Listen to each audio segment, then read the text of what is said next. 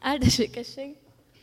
Sok szeretettel köszöntünk itt mindenkit ezen a kert alkalmon, és kezdjük meg az alkalmunkat dicsőítéssel, és hát itt mindig ülve szoktunk lenni, vagy csak néha állunk fel. Szóval én most arra kérlek, hogy ez egy ilyen nagyon régi, vagy hát nem tudom, nekem régi dicsőítő dal, szerintem mindenki ismerni fogja. Ez a cím, hogy jöjj itt az idő, hogy dicsérd, és hogy álljunk fel ehhez, és tényleg legyünk itt, kezdjük meg ezt az alkalmat így, hogy jövünk, és dicsérjük az Urat.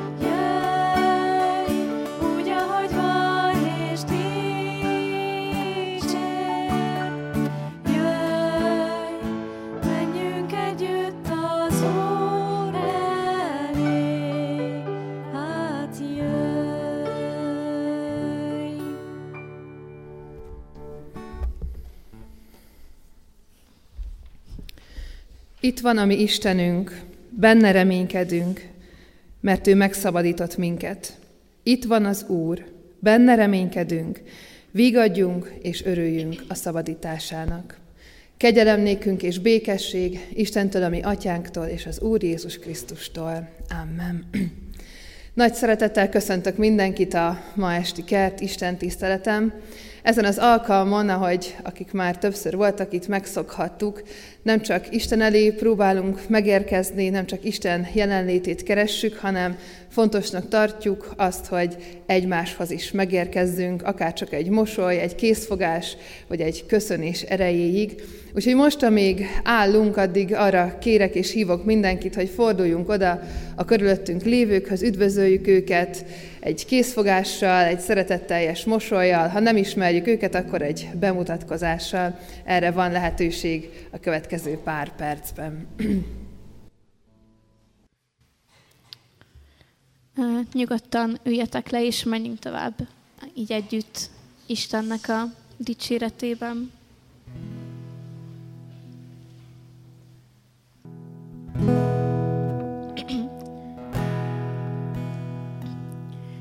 Csak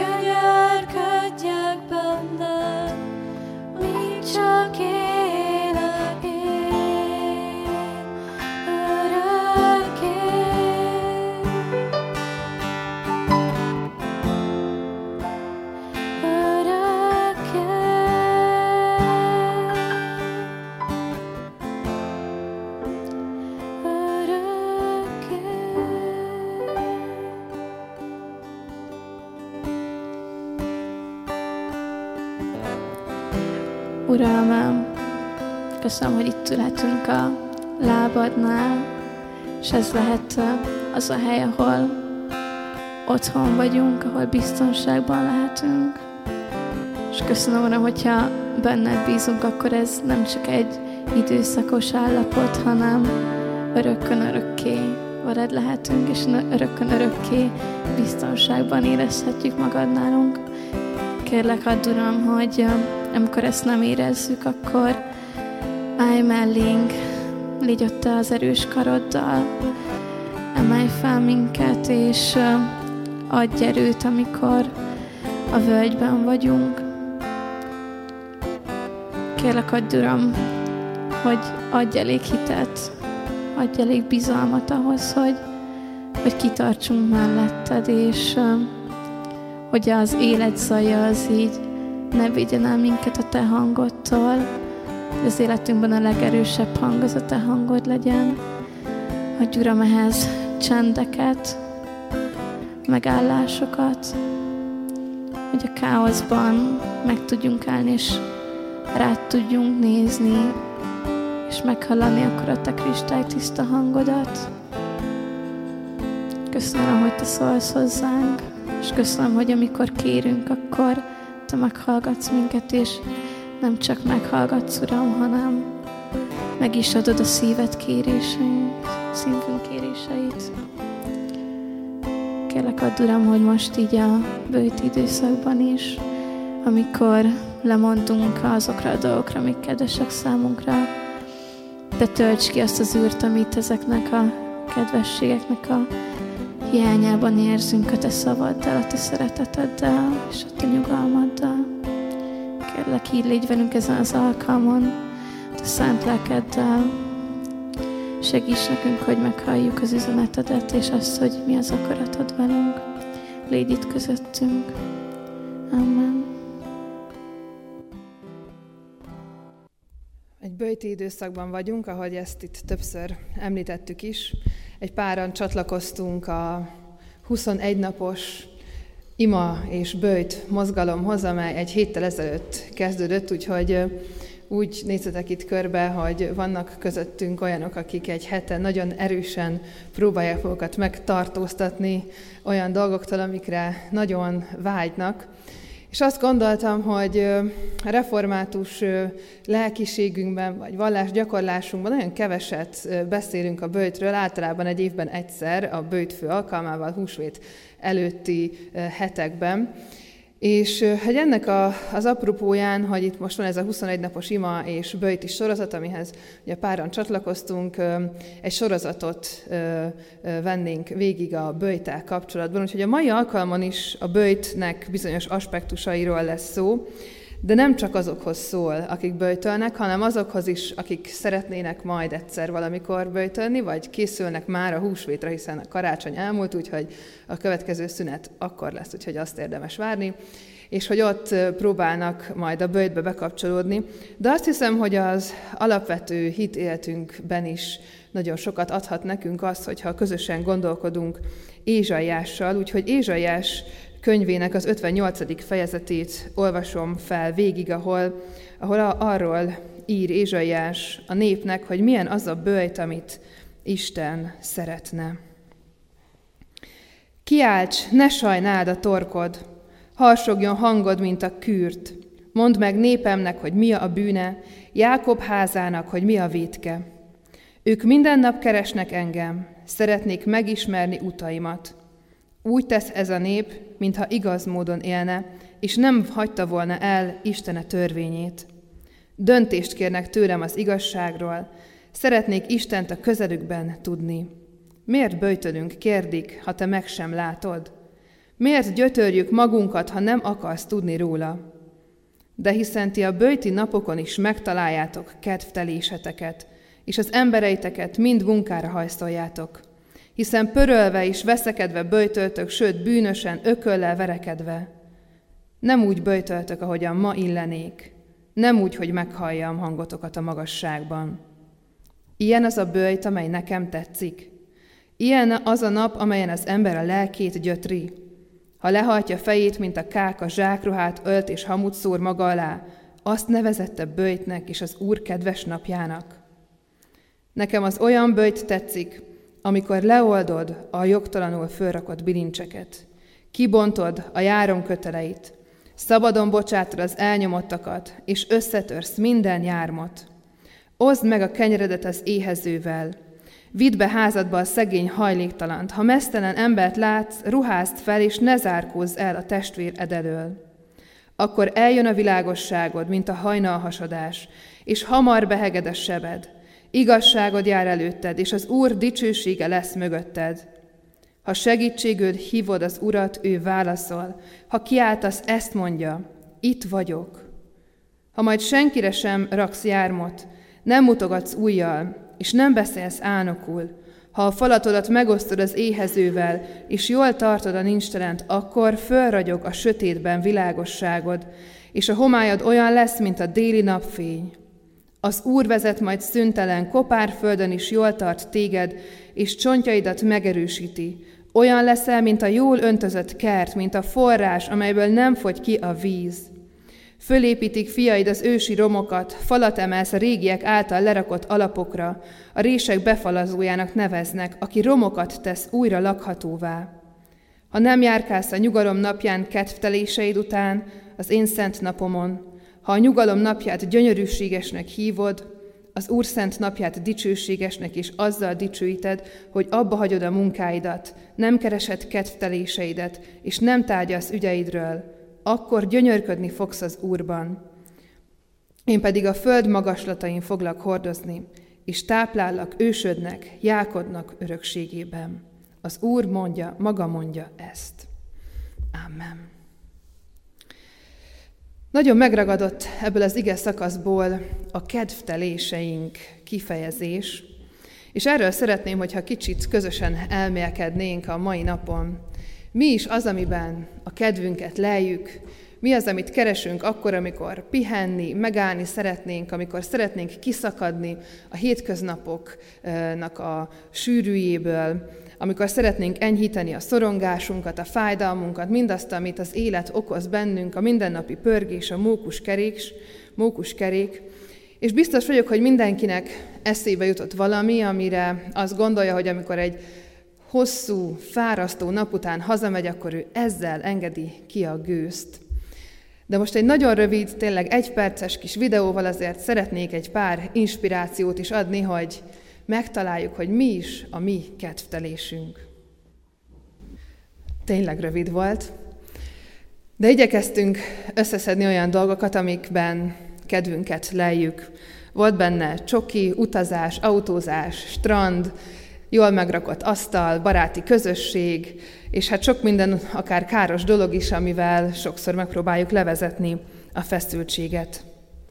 Miben leled a kedved? Mitől érzed azt, hogy megpihensz? Mi a te kedvtelésed? És mit elégítünk ki valójában akkor, amikor a kedvteléseinkkel törődünk?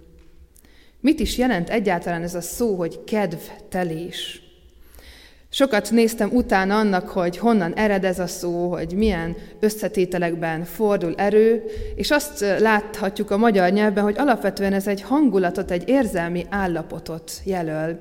Nem lehet egyértelműen ellátni semmilyen pozitív vagy negatív előjellel. Szoktuk azt mondani, hogy jó kedv vagy rossz kedv, de a kedvenc szavunk is a kedv, a hangulati állapotnak a, a, az eredetiéből származtatható. Valamilyen kellemes tevékenység, a saját érdeklődés kielégítése, szívesen végzett és a magunk által választott foglalatosság. Gyönyör érzet, öröm, ami ránk kellemesen ható tárgyak, emberek vagy cselekvésekben nyilvánul meg, és ebben érezzük ezt a gyönyör érzetet, ezt a kellemes, felszabadító érzést. És az a szó, amit a amit a Bibliában szerepel is, egészen jól visszaadja azt, amiről beszélünk és amiről most gondolkodunk. Egy olyan ö, dologról beszél itt a Biblia, ami élvezetet, ami gyönyört ad, valami olyat, amire az ember vágyik, ami a vágyainak a középpontjában van. És nagyon érdekes ez a kifejezés, mert nagyon egyértelműen a földi világra vonatkozik. Sőt, a mai héber nyelvben már ezt a szót kifejezetten arra használják, hogy dolog, valami. Ennyire elcsorbult a jelentősége, a jelentés tartalma.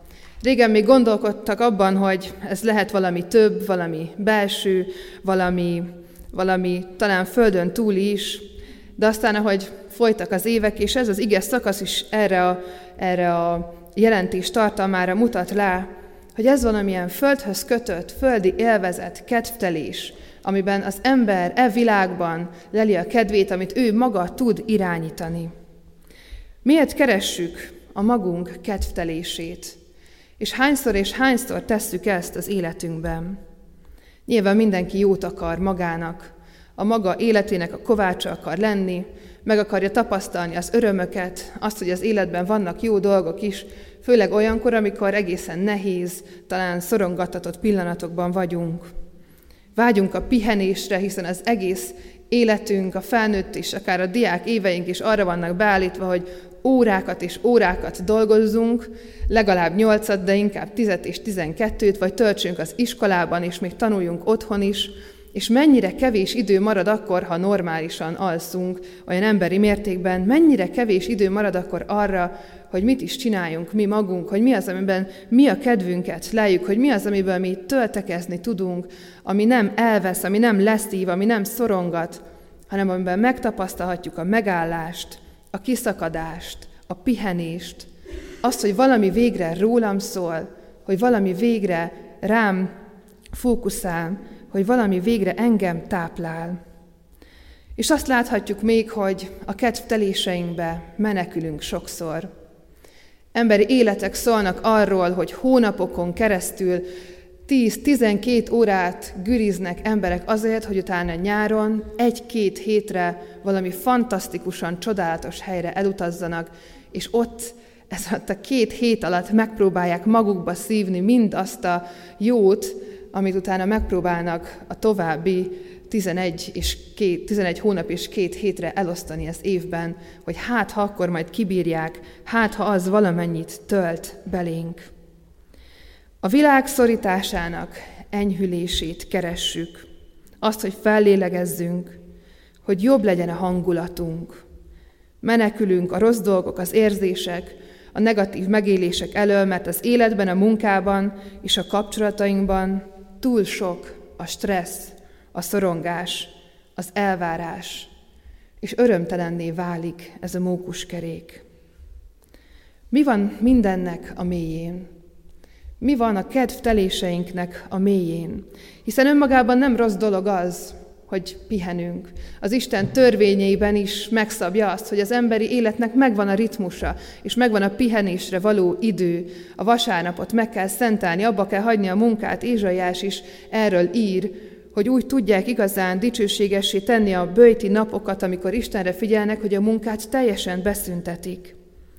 De mégis mi van annak a mélyén, hogy az emberi hozzáállás a kedvteléshez a mai világban, és ha őszinték vagyunk magunkhoz, akkor a mi hozzáállásunk is, az nem ez az egészséges ritmus, amit Isten elrendelt, hanem az van bennünk, hogy hajszoljuk, hogy sóvárgunk azután, hogy megálljunk végre egy pillanatra, hogy legyen egy percem önmagamra, hogy végre valaki velem foglalkozzon. Sóvárog a lelkünk azután, hogy egy kicsit rólunk legyen szó. Tele van az életünk azzal, hogy kell, kell még egy ruha, mert attól jobban érzem magam. Kell még egy perc, hogy egyedül tudjak lenni. Kell még egy nap, hogy ne kelljen iskolába menni, vagy ne kelljen bemenni a munkába. Milyen rövid volt ez a szünet. Mennyire rossz, hogy újra hétfő van, és be kell mennem. Annyira kéne még egy nap. Mindennek a mélyén az van, hogy a földi szempontok azok, amik befolyásolnak bennünket. Hogy az enyhülést a mostban keressük, abban a mostban, amiben ezeket a szenvedéseket, amiben ezeket a szorongattatásokat megéljük. Hogy olyan megoldásokat keresünk, ami, ami ideig, óráig való, ami csak egy pillanatra, egy-egy rövid időre enyhülést adhat, de nem valódi végső megoldást. Egy nagyon durva példával élve, olyan ez, mint amikor egy agydaganatos fejfájásra aspirint veszünk be. Ilyen az, amikor mi a kedvteléseinket keressük. Ideig, óráig lehet, hogy ad enyhülést, de valós megoldást, valós fellélegzést, valós megbékélést, valós megpihenést nem találunk ezekben. Ott van a kérdés ennek az igének a fényében is, ahol azt mondja Isten, hogy, hogy az a bőjt, az az Istenre figyelés, amit ő vár tőlünk, az abban nem fér bele az, hogy a kedvteléseinket keressük. Ott van akkor az a kérdés, hogy hogyan álljon tehát a keresztény, bőjtödő, imádkozó ember a kedvteléseihez. Vajon teljesen el kell vetnünk-e azt, hogy bármi olyat is tegyünk, ami jó nekünk? Vajon teljesen el kell vetnünk azt, hogy pihenjünk? Az aszkézisbe kell vonulnunk, mint a szerzetesek, akik voltak közöttük olyanok, akik még egy oszlopra felállva élték az életüket, és csak akkor ettek és ittak, ha valaki vitt nekik bármit is. Ennyire el kell vonulnunk a társadalomból, a világból, meg kell tagadnunk mindazt, amit építettünk, amit a munkával szerzünk, és ami a munkával a mi életünkbe is jöhet. Azt mondja a mai igénkben Isten Ézsaiáson keresztül, a harmadik verstől olvasom újra, hogy de hiszen ti a bőti napokon is megtaláljátok a kedvteléseteket, és az embereiteket mind munkára hajszoljátok. Hiszen pörölve és veszekedve böjtöltök, sőt bűnösen ököllel verekedve. Nem úgy böjtöltök, ahogyan ma illenék. Nem úgy, hogy meghalljam a hangotokat a magasságban. Ilyen az a bőjt, amely nekem tetszik. Ilyen az a nap, amelyen az ember a lelkét gyötri. Ha lehajtja fejét, mint a kák, a zsákruhát ölt és hamut szór maga alá, azt nevezett bőjtnek és az Úr kedves napjának. Arról beszél itt Ézsaiás, hogy a bőjtöt nem csak külsőleg kell megélni, hogy nem csak, hogy minden Istenhez irányuló cselekedetünk, az ima életünk, a gyülekezethez való tartozásunk is nem csak egy külső cselekedet kell, hogy legyen, ami látszik kívülről, hogy itt vagyunk, amiben valamiféle külső megnyilvánulást meg tudunk tenni azért, hogy Istennek megpróbáljunk tetszeni, hanem arról beszél, hogy itt valami mélyebb, valami sokkal e világon túlmutató kérdésről van szó. Ilyen az az ember, aki a lelkét gyötri. Ezt kérdezi Isten. Nagyon érdekes ez a kifejezés, gyötörni a lelkünket, és olyan negatívan is hangzik, hiszen ki akarna ebbe önmagától beleállni, hogy gyötörje a lelkét. De nagyon fontos látnunk azt, hogy mit is jelentenek itt ezek a szavak. Ebben az ige szakaszban a lélek kifejezés az nem arra a lélekre irányul, ami az Istentől kapott az ő világából jövő lélek, hanem az a lélek, amit amivel Isten élővé tette még az állatokat is, és az embereket is a Biblia első lapjain. Az a lélek, amitől létező valóságá vált az ember. Ez a lélek, ami a földi létezéshez köti, az evilági létezéshez, létezéshez. És azt kéri Isten, hogy ne, e, ne az evilági létezésünkhöz kötődjünk, és azt kérdezi meg akkor, amikor ezt kérdezi, hogy ilyen az az ember, aki a lelkét gyötri, amikor Istenhez fordulunk, hogy vajon, amikor Isten elé állunk, akkor megtagadjuk-e azokat a dolgokat, amik a földi világhoz kötnek, láncolnak bennünket. Hogy meg tudjuk-e hajtani magunkat, hogy meg tudjuk-e alázni azt a részünket, az óemberünket, ami ehhez a világhoz köt, ami a földi világ materiális gondolkodásában tart bennünket. A gyötörni kifejezés is egészen máshogy van az eredeti szövegben. Azt mondja, hogy meghajtani, meghajtani, meghajolni, a földre borulni. Nem arról van szó, hogy teljesen meg kell rontani, szét kell törni ezt a lelket, hanem arról van szó, hogy alázatosan meg kell hajtanunk magunkat az előtt, hogy az Isten világa sokkal hatalmasabb, mint ez a földi világ, és mint ez a földi valóság. És hogy mindaz, ami bennünk sokszor vágyként, a kedvtelésünknek a vágyaként jön fel, az nem az Istenhez köt bennünket, hanem a földi valóságban próbáljuk magunkat egyre inkább hozzákötni ezekhez az apró örömökhöz, amik körülvesznek bennünket. És nagyon fontos kifejezés és kifejezések ebben az ige szakaszban és azok a felszólítások, amikor Ézsaiás azt mondja, hogy hogy az olyan böjt tetszik Istennek, amikor leoldjuk a jogtalanul felrakott bilincset, kibontod a járom köteleit, szabadon bocsátod az elnyomottakat, és összetörsz minden járomot. Mert a mai világban sok minden meg tud bennünket kötözni, függőségektől, kapcsolatoktól kezdve a pénznek a szeretetén át. Annyira sok minden van, amihez oda kötjük magunkat ilyen materiális módon. De azt hiszem, hogy a mai világnak a legnagyobb megkötözöttsége az a szeretet éjségnek a rabszolgasága. És ebben éljük a minden napjainkat, és erről szólnak a kedvteléseink is, hogy azt szeretnénk, hogy végre egy pillanat rólunk szóljon, hogy végre egy pillanatra úgy érezzük, hogy valaki figyel ránk, hogy végre valaki átöleljen, hogy megérezzük azt, hogy szeretve vagyunk, hogy valaki számára értékesek vagyunk. És ez az igazi megkötözöttsége a mai világnak, és nem hiába mondja ezt Ézsaiás itt, bár ott egy konkrét rabszolgaságról volt szó abban az időben, de azt hiszem, hogy átvitt értelemben is ott is, abban az időben, több ezer éve is szólt ez azoknak, akik lelki megkötözöttségekben voltak. És így szól ma nekünk is, hogy amikor a lelkünket gyötörjük, akkor nem arról van szó, hogy azokat kell megvonni magunktól, amik nekünk jók, amik nekünk örömet okoznak, hanem arról van szó, hogy valami magasztosabban kell gondolkodnunk.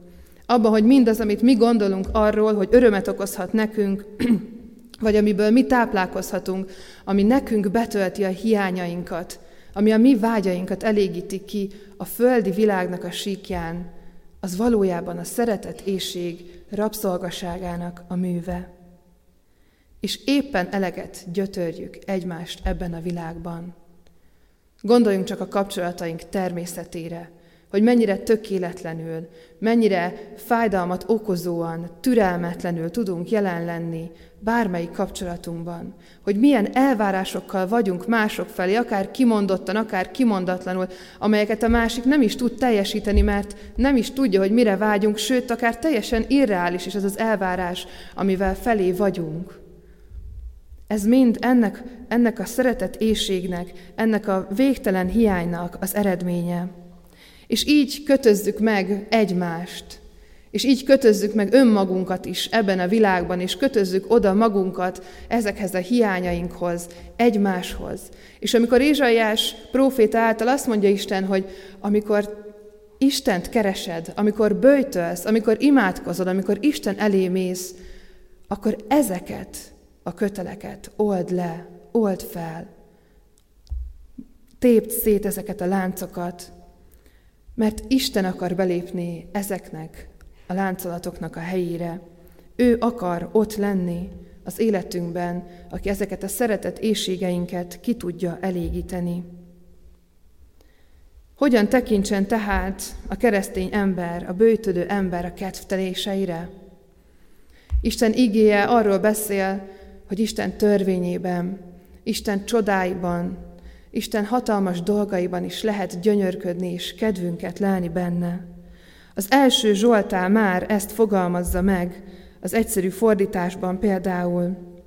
Boldog és áldott, aki nem jár az istentelenek útján, nem áll rá a bűnös, bűnösök ösvényeire, és nem ül együtt a gúnyolódókkal, hanem abban leli örömét, ha az örökké való tanítja, és éjjel-nappal azon gondolkodik. Ugyanaz a kifejezés szerepel ebben az ige szakaszban, mint Ézsaiásnál. Az a kedvtelés. Lehet kedvünket lelni Isten törvényében. Lehet kedvünket lelni abban, ahogyan látjuk azt, hogy másokon hogyan cselekszik Isten, lehet kedvünket lelni abban, ahogyan visszatekintünk a saját életünkre, és meglátjuk azt, hogy Isten milyen hatalmasan és csodálatosan volt jelen a mi életünkben. Mit mond tehát Isten arról, hogy hogyan is kell böjtölnünk, hogy miben leljük a kedvünket, hogy hogyan kell ő elé mennünk, hogyan kell megállnunk előtte. Az első fontos kérdés ebben az az, hogy hogyan viszonyulunk a valósághoz. Hogyan viszonyulunk ahhoz, ami körülvesz bennünket. A nehézségek, a szorongattatások, a nehéz pillanatok, a 8-10-12 óra munka, amiben még csak örömünket sem leljük, vagy az ugyanennyi tanulás, ami szintén nem biztos, hogy annyira örömteli. Hogyan viszonyuljunk mind ehhez? Keressük-e ezekben azt, hogy Isten jelen van-e ott? Keressük-e ezekben azt, hogy Istennek a keze hogyan munkálkodik ezen keresztül? Meglátjuk-e Istennek a jelenlétét a nehéz helyzetekben is? Vagy mindig csak azt keressük, és azt kérjük Istentől, hogy adjon enyhülést, hogy szüntesse meg ezeket a nehézségeket. Azért, mert azt gondoljuk, hogy nekünk jobb jár, ha mi őt szeretjük, és tőle kérjük a megoldást. Vajon az lesz a megoldás, hogy Isten akkor eltörli az iskolát vagy a munkát? Vajon ez a jó az életben? Nem arról lehet szó, hogy Isten nehézségeken vezet át, és szorongattatásokon, és ott is ott akar lenni velünk, hogy ott meg akar tanítani nekünk valamit, hogy ott felkészít valami hatalmasabbra. És itt a bőjthöz is kapcsolódunk, mert a bőjti időszakban néha nehéz megállni azt, hogy a kedvteléseinket keressük. Néha szenvedünk tőle, néha el is bukunk benne, de Isten nem felkészíteni akar-e valami hatalmasabbra, arra, hogy az ő csodáit megmutassa akkor, amikor mi megvonunk magunktól valamit, amitben a kedvünket lejjük. Hány és hány ilyen történetet látunk a Bibliában, akár csak az egyiptomi szabadulásnak a történetét, ahol mennyire sok évig rabszolgaságban élt Izrael népe. És kiáltott az Úrhoz, sőt, sokan el is fordultak Istentől a szorongattatásban, de Isten ott volt és munkálkodott, felkészítette Mózest arra, hogy kivezesse a népet, és egy hatalmas, emberileg elképzelhetetlen csoda történt. Ketté vált a tenger, és így tudtak megszabadulni a rabszolgaságból. Vagy gondolhatunk József történetére, ha csak egy embernek a, a története van előttünk, akit a testvérei eladtak, azt hazudták róla, hogy meghalt, aztán rabszolga lett, börtönbe került, és az egész történetben minden harmadik sorban ott van az, hogy de az Úr Józseffel volt. Ott volt vele minden nehézségben, a legmélyebb pillanatokban is. Hogyan viszonyulsz a nehézségekhez? Nem mindegy, hogy úgy megyünk Isten elé, hogy kérjük, hogy vegye el a nehézségeket, hogy legyen jobb, mert nekünk ez jár, mert nekünk fel kell lélegeznünk, mert nekünk pihennünk kell. Vagy pedig megkeressük azokat a pontokat, és azt kérjük, hogy Isten mutassa meg magát ott, akkor a nehézségben, mert néha nehézségben van az életünk. És szembe kell néznünk azzal is, hogy az egész világ megtörtségben él. A mi földi világunk, ez a materiális világ, amiben a mi lelkünk, a testünk is él, amiben a kapcsolataink is vannak, amiben az életünk minden napjait éljük, az egy megtört világ. Az egy annyira megtört világ, hogy, hogy csak a gonosz, csak a rossz, és csak a mocsok jön fel belőle, felénk is. Az élvezetnek a hajhászása, a pillanatnak élés, az örömök kihasználása, és ezzel jön folyamatosan mindaz, amiről Ézsaiás is beszél, hogy már nem csak a tárgyakat használjuk, hanem egymást is kihasználjuk, egymáshoz láncoljuk magunkat, felhasználja egyik ember a másikat, megalázzuk egymást, eltiporjuk egymást azért, hogy előrébb jussunk, csak egy kis örömért, azért, hogy egy picit jól érezzük magunkat, mert bennünket kitüntettek, mert bennünket előléptettek. De mennyi-mennyi fájdalmat, sértést okozunk azzal, ha így éljük a mindennapjainkat. Az a kérdés, hogy ebben a világban bárhol tudsz te egész lenni, tudsz teljes lenni, megtalálod-e az otthon érzésedet, hogy megtalálod-e azt a helyet, ahol az Isten teljessé tud tenni téged. Lehetnek rá földi válaszaink, de tudjuk, hogy a Biblia válasza az, hogy nem. Mi nem e világból valók vagyunk. Akik Krisztus hatalma alatt vannak, azok nem e világ hatalma alatt kell, hogy éljenek. És az Isten jelenlétében, az ő hatalmas királyságának a megízlelésében ott lehetünk egészek, és ott találhatunk valódi otthonra. Ott találhatjuk meg a legjobb önmagunkat. Ott van a gyógyulás, ott van a világosság, mindaz, amiről itt Ézsaiás is beszél. És szembe kell néznünk az önmagunk megtörtségével is. Azt hiszem ez a legnehezebb része a keresztény életünknek, a bölcsnek, az ima életünknek, akkor, hogyha őszintén megyünk Isten elé, és őszintén keressük az ő akaratát és az ő vezetését az életünkben. Mennyi mindenben vagyok én megtört. Hány-hány helyen van ott az életemben egy-egy olyan seb, ami miatt én másokat megkötözök, ami miatt én másokhoz láncolom magam, ami miatt én másoknak fájdalmat, bántást okozok, ami miatt én nem tudok úgy viselkedni és úgy élni, hogy az Isten azt mondja rá, hogy igen, ez az a bőjt, ez az az Istent kereső élet, amit én látni szeretnék. Mennyi mindenben vagyunk, mi magunk is megtörtek. Hány-hány helyen látjuk ezt az életünkben. Meg kell hajtanunk magunkat, a fizikai valóságunkat, a földi létezésünknek a tudatát, oda tenni Isten elé, és kérni, hogy tudjunk ellene menni annak, amit ez a megtört világ diktál, mindazzal, ami bennünk is ehhez a megtört világhoz kapcsolódik. Mert ránk egy másik világ, egy másik királyság, egy másik hatalom törvényei érvényesek.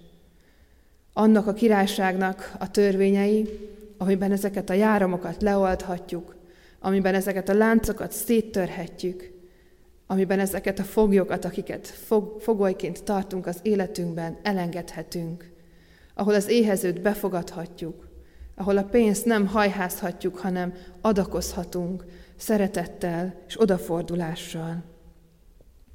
Ránk ezek a törvények vonatkoznak. És itt van a következő kérdés, az utolsó a mai alkalmon. Hogyan viszonyulunk az Isten valóságához? Máté evangéliumában ír Jézus arról, hogy mi az embereknek, a hívő embereknek három legfőbb feladata. Amikor tehát adakoztok, amikor imádkoztok, és amikor böjtöltök. Amikor böjtöltök, ne, nézzétek, ne nézzetek komora, mint a képmutatók, akik eltorzítják arcukat, hogy lássák az emberek böjtölésüket. Bizony mondom nektek, megkapják jutalmokat. Te pedig, ha böjtölsz, kend meg a fejedet, és most meg az arcodat, hogy bőjtölésedet ne az emberek lássák, hanem atyád, aki rejtve van. A te atyád pedig, aki látja, ami titokban történik, megjutalmaz téged. Keresztény életünk, az Istennel való viszonyunk nem másoknak szól. Ez csak rólunk, csak rólad és Istenről szól. Ez egy olyan döntés, ezek olyan döntések sorozata, amiket nem tudunk meghozni egymás helyett, hanem csak te egyedül tudod meghozni azt a döntést, hogy mihez ragaszkodsz. ne ragaszkodj az emberihez, ne ragaszkodj a múlandóhoz. Sőt, kérd Istent, hogy, hogy mutassa meg, hogy hol vannak azok a pontok az életben, ahol ilyen rabszolgaságban vagy, ahol a szeretet éjséged rabszolgaságba tart másokat, ahol az elismerési vágyad annyira ö, átformálja a jó lelkiismeretedet, hogy, hogy embereken tiporsz és taposol át. Kérd Istent, hogy oldja le a jogtalanul felrakott bilincseket, azokat is, amiket rád raktak, és azokat is, amelyeket te raktál másokra. Kérd Istent, hogy gyógyítson, hogy rá tudj figyelni, az ő csodáira, az ő hatalmasságára, mindarra, ami az ő mennyei világából árad le ránk, az ő sok-sok áldására. Adj ahelyett, hogy folyamatosan kapni akarsz. Adj ahelyett, hogy folyamatosan azon gondolkodsz, hogy mi jár neked, hogy mi az, amiben te kedvedet lelheted, hogy mi az, ami neked kell, amire neked szükséged van az életben. Ne zárkózz el, Adj magadból, de abból, ami a legjobb önmagad, amivé Isten formál, amivé Isten teremtett. Éld meg azt, ami belül van, amit te vagy igazán, szégyen nélkül, mert Istenben az ő királysága, az ő hatalma alatt vagy. Ez egy nagyon nagy ugrás. És ebben az ugrásban, ebben a váltásban, amikor a földi világtól el, megpróbálunk elszakadni, és próbálunk az Isten hatalmas felfoghatatlanul hatalmas mennyei világához kapcsolódni. Mindig van egy pillanat, amikor így a súlytalanság állapotába vagyunk. És egy történettel szeretném befejezni. Egyszer részt vettem egy láthatatlan színházon. Ez egy olyan alkalom, ahol bekötik a szemünket, és végig vezetnek csukott szemmel bizonyos témán, amin én voltam, az az életünkön vezetett végig. És volt egy pont, ahol ketten is fogták a kezemet, és le kellett volna lépni egy, ugye én nem tudtam, hogy milyen magas magaslatról. Azt kérték, hogy, hogy csak lépjek, és ne féljek, és már szinte rángattak, hogy de menjek már, hogy haladjunk, mert jönnek mögöttem is, előttem is, ott vannak. És annyira beleragadtam abba a pillanatba, hogy ott mekkora félelem volt bennem, hogy nem tudom, hogy mekkorát kell lépni, hogy mi van alattam, be van kötve a szemem, fogalmam sincs, hogy mi történik körülöttem, egy hatalmas világ, ami, aminek nem láttam a részeit, hogy mi, hogyan történt, közben az egésznek lelkileg is a hatása alatt voltam, és percekbe telt, mire meg tudtam hozni azt a döntést, hogy, hogy igen, akkor, akkor, akkor lelépek. És előtte próbáltam itt tapogatózni is, de nem értem el a földet, vagy hát azt, amire rá kellett lépni. És ilyen hihetetlen érzés volt, és ehhez tudom hasonlítani ezt az élményt is, amikor, amikor a földi valóságból átadjuk magunkat Isten kezébe, és amikor leléptem, akkor szembesültem vele, hogy körülbelül egy 10 cm magas ö, ö, lépést kellett volna megtenni egyébként, amin én perceket lamentáltam, de ilyen ez is. Pontosan ilyen az, amikor a biztos kis földi valóságunkból megpróbálunk kilépni abba a hatalmas, ismeretlenbe, amiben Isten hív az ő világába. És arra hív ma bennünket, akár böjtödünk, akár nem, akár csak keressük őt, és az ima életünket szeretnénk feleleveníteni, még jobban kapcsolódni hozzá, hogy ezt a lépést tegyük meg, és ez egy nem nagy lépés, ez egy kis lépés. Van benne egy hatalmas bizonytalanság, hogy vajon jó lesz ez nekem, hogy kedvemet leleme benne. De ezt a lépést érdemes megtenni, mert ott vár az Isten hatalmas országa az ő csodáival, és azzal, hogy felszabadulhatunk, hogy ő megszabadít, hogy ezek a kötelek leomlanak, hogy nem teszünk majd egymásra több ilyen kötelet, nem beszélünk álnokul, hogy beengedjük a házunkba a nincs telent, hogy szétosztjuk a vagyonunkat, hogy az Isten értékrendje szerint tudunk majd élni. Erre hív ma bennünket az Ézsaiási is ige. Ne a kedvtelésünket, ne a földi lényünk kielégülését keressük, hanem az Isten országát. Merjük megtenni ezt a lépést. Amen. Imádkozzunk.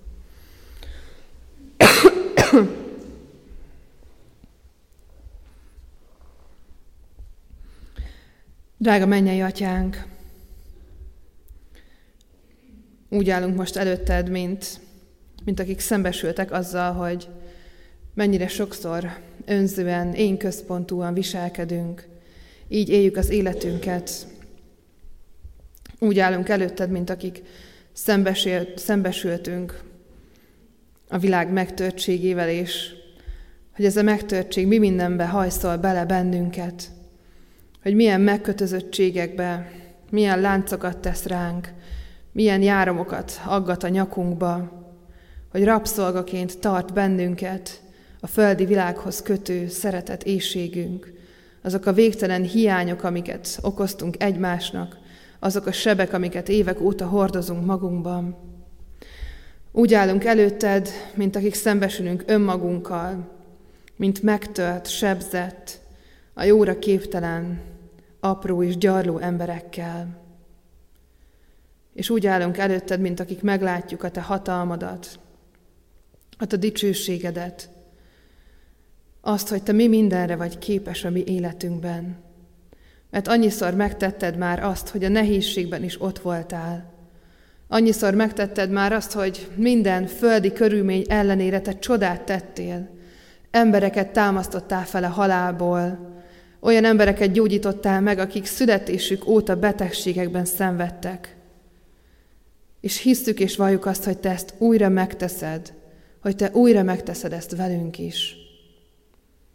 Atyánk, taníts bennünket téged keresni, taníts bennünket gyötörni a lelkünket, meghajtani, megalázni a fizikai valónkat azért, hogy a te mennyei dicsőséged és a mennyei valóságod úrrá lehessen rajtunk, hogy megtapasztalhassuk azt, hogy van sokkal több annál a pillanatnyi örömnél, hogy van sokkal több azoknál a dolgoknál, amik kellenek nekünk, hogy van sokkal több annál, ami után sóvárgunk, hogy van sokkal több a plusz egy napnál, annál az egy percnél, amit magunkért teszünk, annál a kéthetes nyaralásnál, annál a szünetnél, hogy van sokkal több a te országodban és a te dicsőségedben, a te mennyei valóságodban.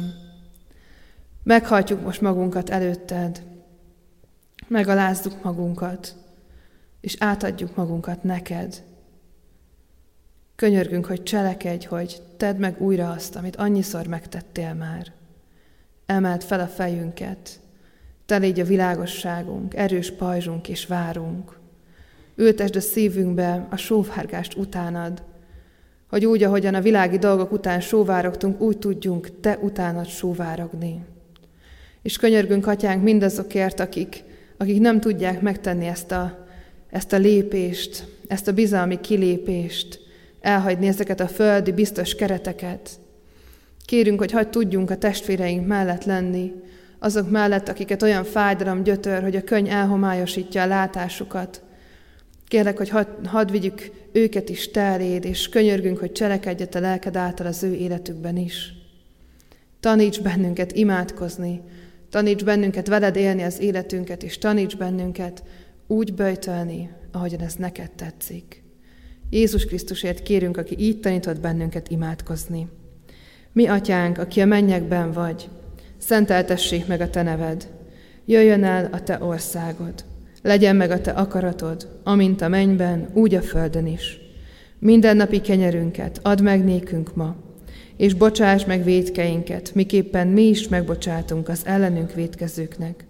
És ne vigy minket kísértésbe, de szabadíts meg a gonosztól, mert Tiéd az ország, a hatalom és a dicsőség, mindörökké.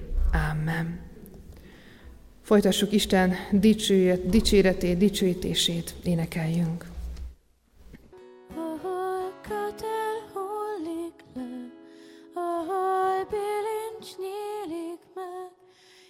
És a járom tarik szét, így szól szét vagyok.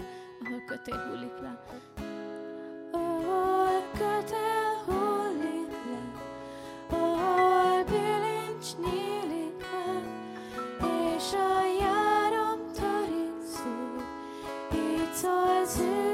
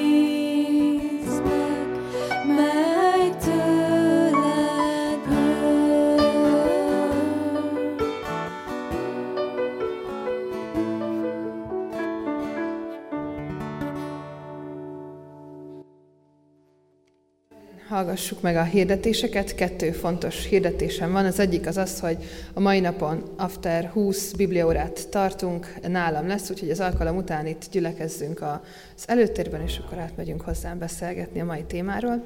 Jövő héten pedig ökumenikus ima héten lehetünk együtt, erre hívunk nagyon nagy szeretettel mindenkit, a plakáton látható, hogy melyik este ki lesz az ige hirdető, bár ne legyünk személyválogatóak. Jöjjünk el mindre szerintem. Azért a szerdai estét kiemelném, Varga Nándor kollégám fog igét hirdetni, és a zenekarral fogunk szolgálni a a kántorizálásban, úgyhogy ha valaki esetleg szívesen vesz részt ezen az alkalmon, akkor különösen is várjuk. 17 órakor lesznek ezek az alkalmak a baptista imaházban.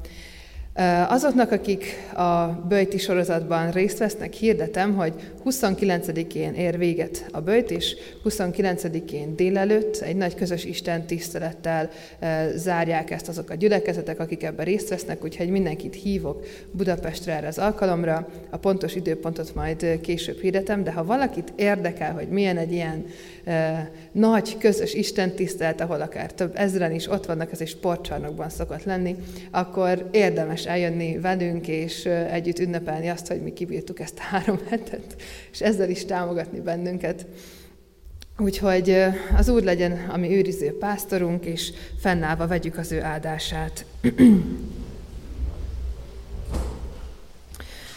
Ha segítségül hívod az Urat, ő válaszol. Ha kiáltasz, ezt mondja, itt vagyok. A kegyelem legyen mindazokkal, akik el nem múló szeretettel szeretik a mi Urunkat, az Úr Jézus Krisztust. Amen.